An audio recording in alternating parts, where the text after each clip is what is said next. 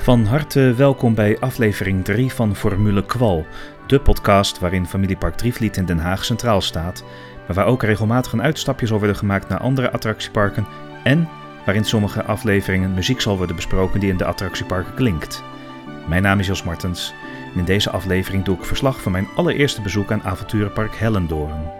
Voordat ik begin met het hoofdonderwerp van deze aflevering, allereerst een paar nieuwtjes omtrent Familiepark Drievliet en mijzelf. Familiepark Drievliet is vanaf 24 april weer dagelijks geopend. Wel is het goed om voor de openingstijden de website drievliet.nl te raadplegen. In het Parktheater wordt dagelijks om 2 uur een show opgevoerd. Dit betreft tijdens de meivakantie en tijdens de zon- en feestdagen de Piraat in Nood show en op de overige dagen de Piraten Kindershow. De Piraat in Nood show betreft een nieuwe show. Op de website staat over deze show geschreven een nieuwe hilarische familieshow van de goochelende piraten John en Jack. Snelle grappen, let hierbij op de spelfouten, interactie en goochelkunst maken deze show ideaal voor jong en oud. Op het moment dat deze aflevering uitkomt, ben ik met mijn gezin een midweek in Disneyland Parijs. Uiteraard zal ik uitgebreid verslag doen in een volgende aflevering van Formule Kwal. Het is voor mij jaren geleden dat ik daar voor de laatste keer was. De laatste keer betrof een dagtocht en toen heb ik enkel het kasteelpark bezocht. Ik kijk er dan ook zeker naar uit om naast het kasteelpark ook het Walt Disney Studios Park te bezoeken, aangezien dat een soort hernieuwde kennismaking zal zijn. Attracties als Crash's Coaster en Ratatouille heb ik bijvoorbeeld nog nooit bezocht. Een leuk vooruitzicht. Maar ja, nu terug naar het hoofdonderwerp.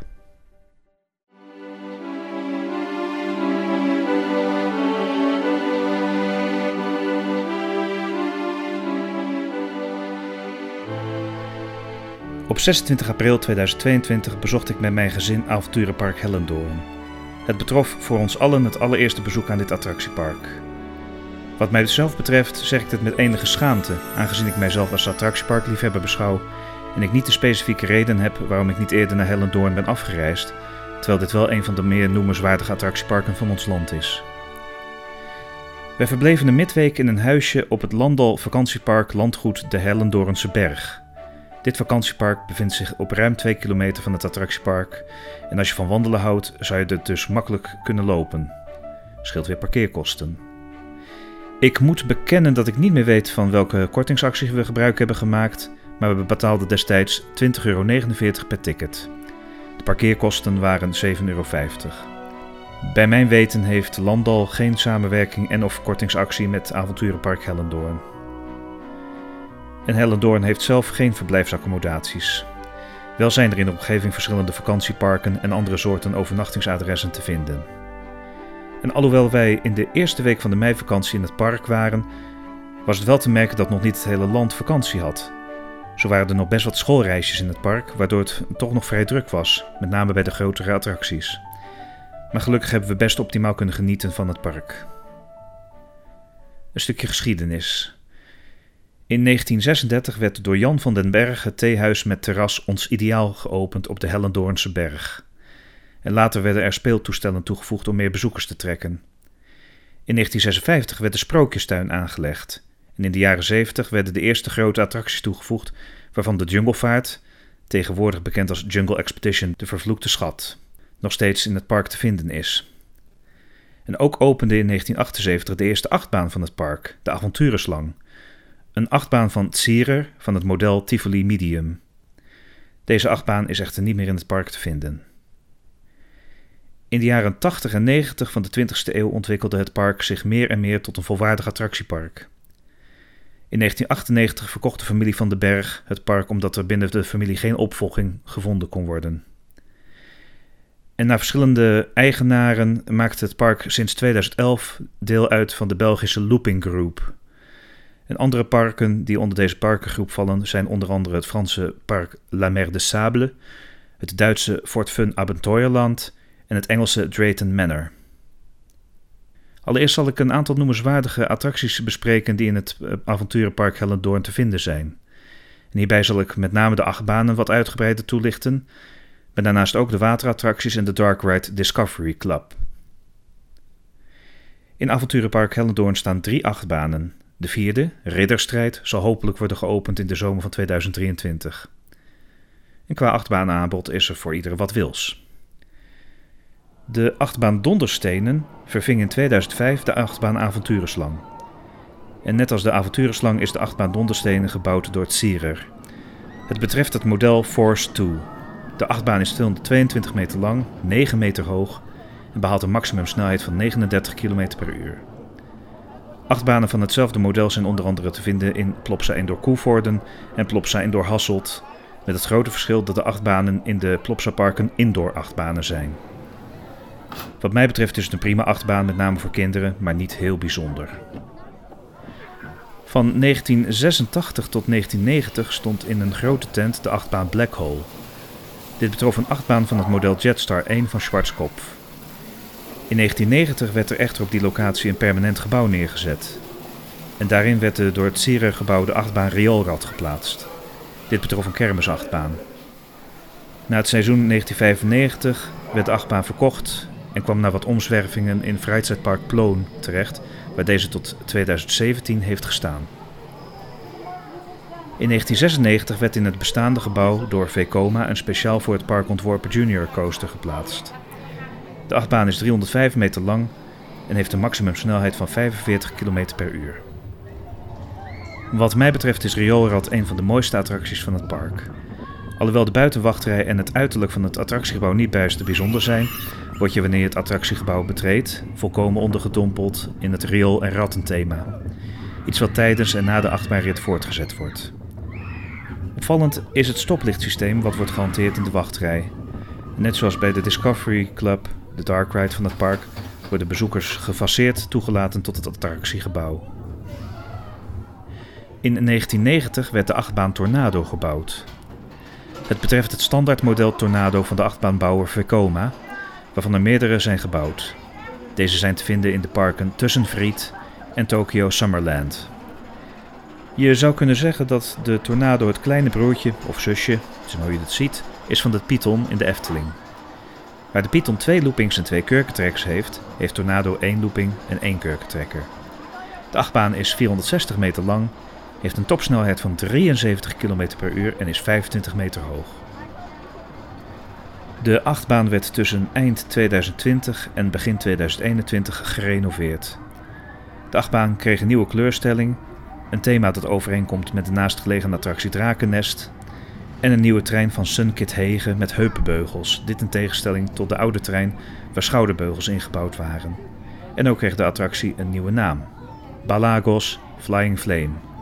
Balagos is, met name door de treinen van Sunkit Hegen, een prima achtbaan die een fijne ritbeleving heeft. En ook de thematisering vind ik zeer sterk.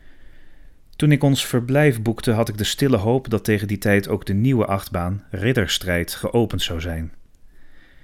Echter stond de achtbaan al wel overeind, maar er bleken toen al verschillende problemen en tegenslagen te zijn, waardoor heden te dagen de achtbaan nog steeds niet geopend is.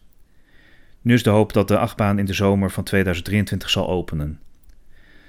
Het betreft een Spinning Wild Mouse van de bouwer Reversion.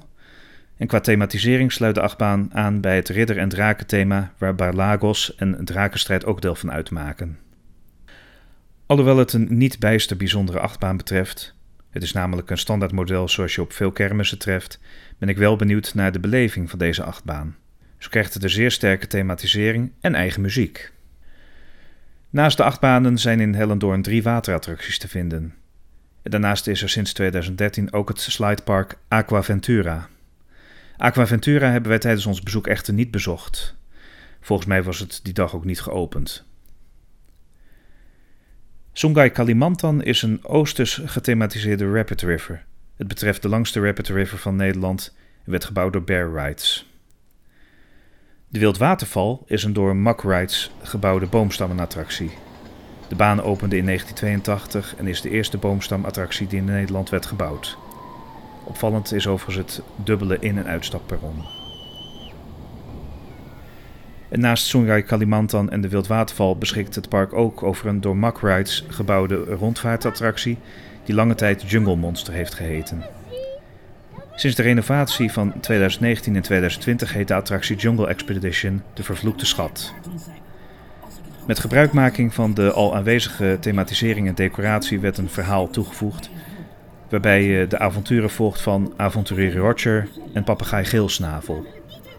Geelsnavel was overigens de vroegere mascotte van het park. Hun verhaal is als een audioverslag in de boot te horen. De renovatie van deze attractie valt volledig in lijn met hoe het park de laatste jaren bezig is om zowel nieuwe als bestaande attracties op het gebied van thematisering en storytelling te vervolmaken. In 1999 werd door Mack Rides een interactieve dark ride gebouwd, Discovery Club. Heimo zorgde voor de decoratie. Het exterieur van de attractie is een vervallen landhuis. En in de eerste jaren vond in het landhuis ook een voorshow plaats, maar deze werd in 2006 verwijderd. Sindsdien is het landhuis puur decoratief, aangezien de hele attractie zich ondergronds bevindt. Net als bij de achtbaan rioolrad worden de bezoekers door middel van een draaihek gefaseerd tot de attractie toegelaten. De ingang is helaas niet afgewerkt en zeker ook de golfplaten zijgevel van het landhuis is niet vrij te noemen. Echter eenmaal binnen word je, net als bij de rioolrad, volledig ondergedompeld in het thema en het verhaal van de attractie. Een mislukt experiment van professor Nulnix heeft ervoor gezorgd dat alle voorwerpen in het huis tot leven zijn gekomen. De professor vraagt de bezoekers daarom om hulp om de voorwerpen weer rustig te maken door met een laserpistool op de doelen te schieten. En zodoende leg je als bezoeker een parcours af in een rond voertuig dat 360 graden om zijn as kan draaien. Elk voertuig biedt ruimte aan maximaal vier personen. De attractie is zeer rijk gedecoreerd en er zijn 165 doelen die beschoten kunnen worden. Ook wordt de puntentelling bijgehouden, waardoor de attractie ook een competitief element met zich meedraagt. De Discovery Club zou ik graag nog eens wat uitgebreider willen bezoeken. Tijdens ons bezoek hebben we de attractie twee of drie keer gedaan, maar toen gingen we er toch wel vrij snel doorheen. En al vind ik het een prima attractie waar menig attractiepark, waaronder Drievliet, een voorbeeld aan zou kunnen nemen. En ik vind het leuk dat iets wat nu heel erg in de mode is, het interactieve element, sinds 1999 al in Hellendoorn aanwezig is. Naast deze grotere attracties zijn er ook verschillende thrill rides te vinden, zoals het schommelschip Galjoen, de Enterprise Tarantula Magica, de Mega Disco Het Drakennest. Ook zijn er verschillende familieattracties en speeltuinen te vinden, en zeker moet genoemd worden Fort Knalkeruit, een als piratenfort vormgegeven botsauto-attractie. En er zijn twee varianten van deze attractie in het gebouw te vinden, waarvan er één uitermate geschikt is voor kleinere kinderen. Ook op het gebied van entertainment en shows is er van alles te beleven in het park. Maar daar hebben wij tijdens ons bezoek niet heel veel van meegekregen, aangezien wij ons vooral richten op de attracties. We hebben een fijne dag gehad in Avonturenpark Hellendoorn en ik weet zeker dat het niet het laatste bezoek was. Zeker als Ridderstrijd zal openen, is het denk ik zeker de moeite waard om het park weer met een bezoek te vereren. Avonturenpark Hellendoorn heeft een uitgebreid en divers attractieaanbod en je kan er prima een volledige dag doorbrengen. En wat mij bovendien ook erg aansprak is hoe het park gelegen is. Er zijn namelijk hoogteverschillen in het park waarneembaar en dat maakt het een zeer dynamisch geheel. Sowieso is de natuurlijke omgeving heel aansprekend. Met dit verslag komt een einde aan deze aflevering van Formule Kwal. Over twee weken zal de volgende aflevering verschijnen en deze kan worden beluisterd in de favoriete podcast-app. Ook ben ik bezig om de afleveringen op YouTube beschikbaar te stellen. Heb je vragen of wil je met mij in contact komen, kun je altijd een mail sturen naar formulekwal.gmail.com. Ook als je interesse hebt om co-presentator van deze podcast te worden. Nog een fijne ochtend, middag, avond, nacht of anders een hele goede morgen.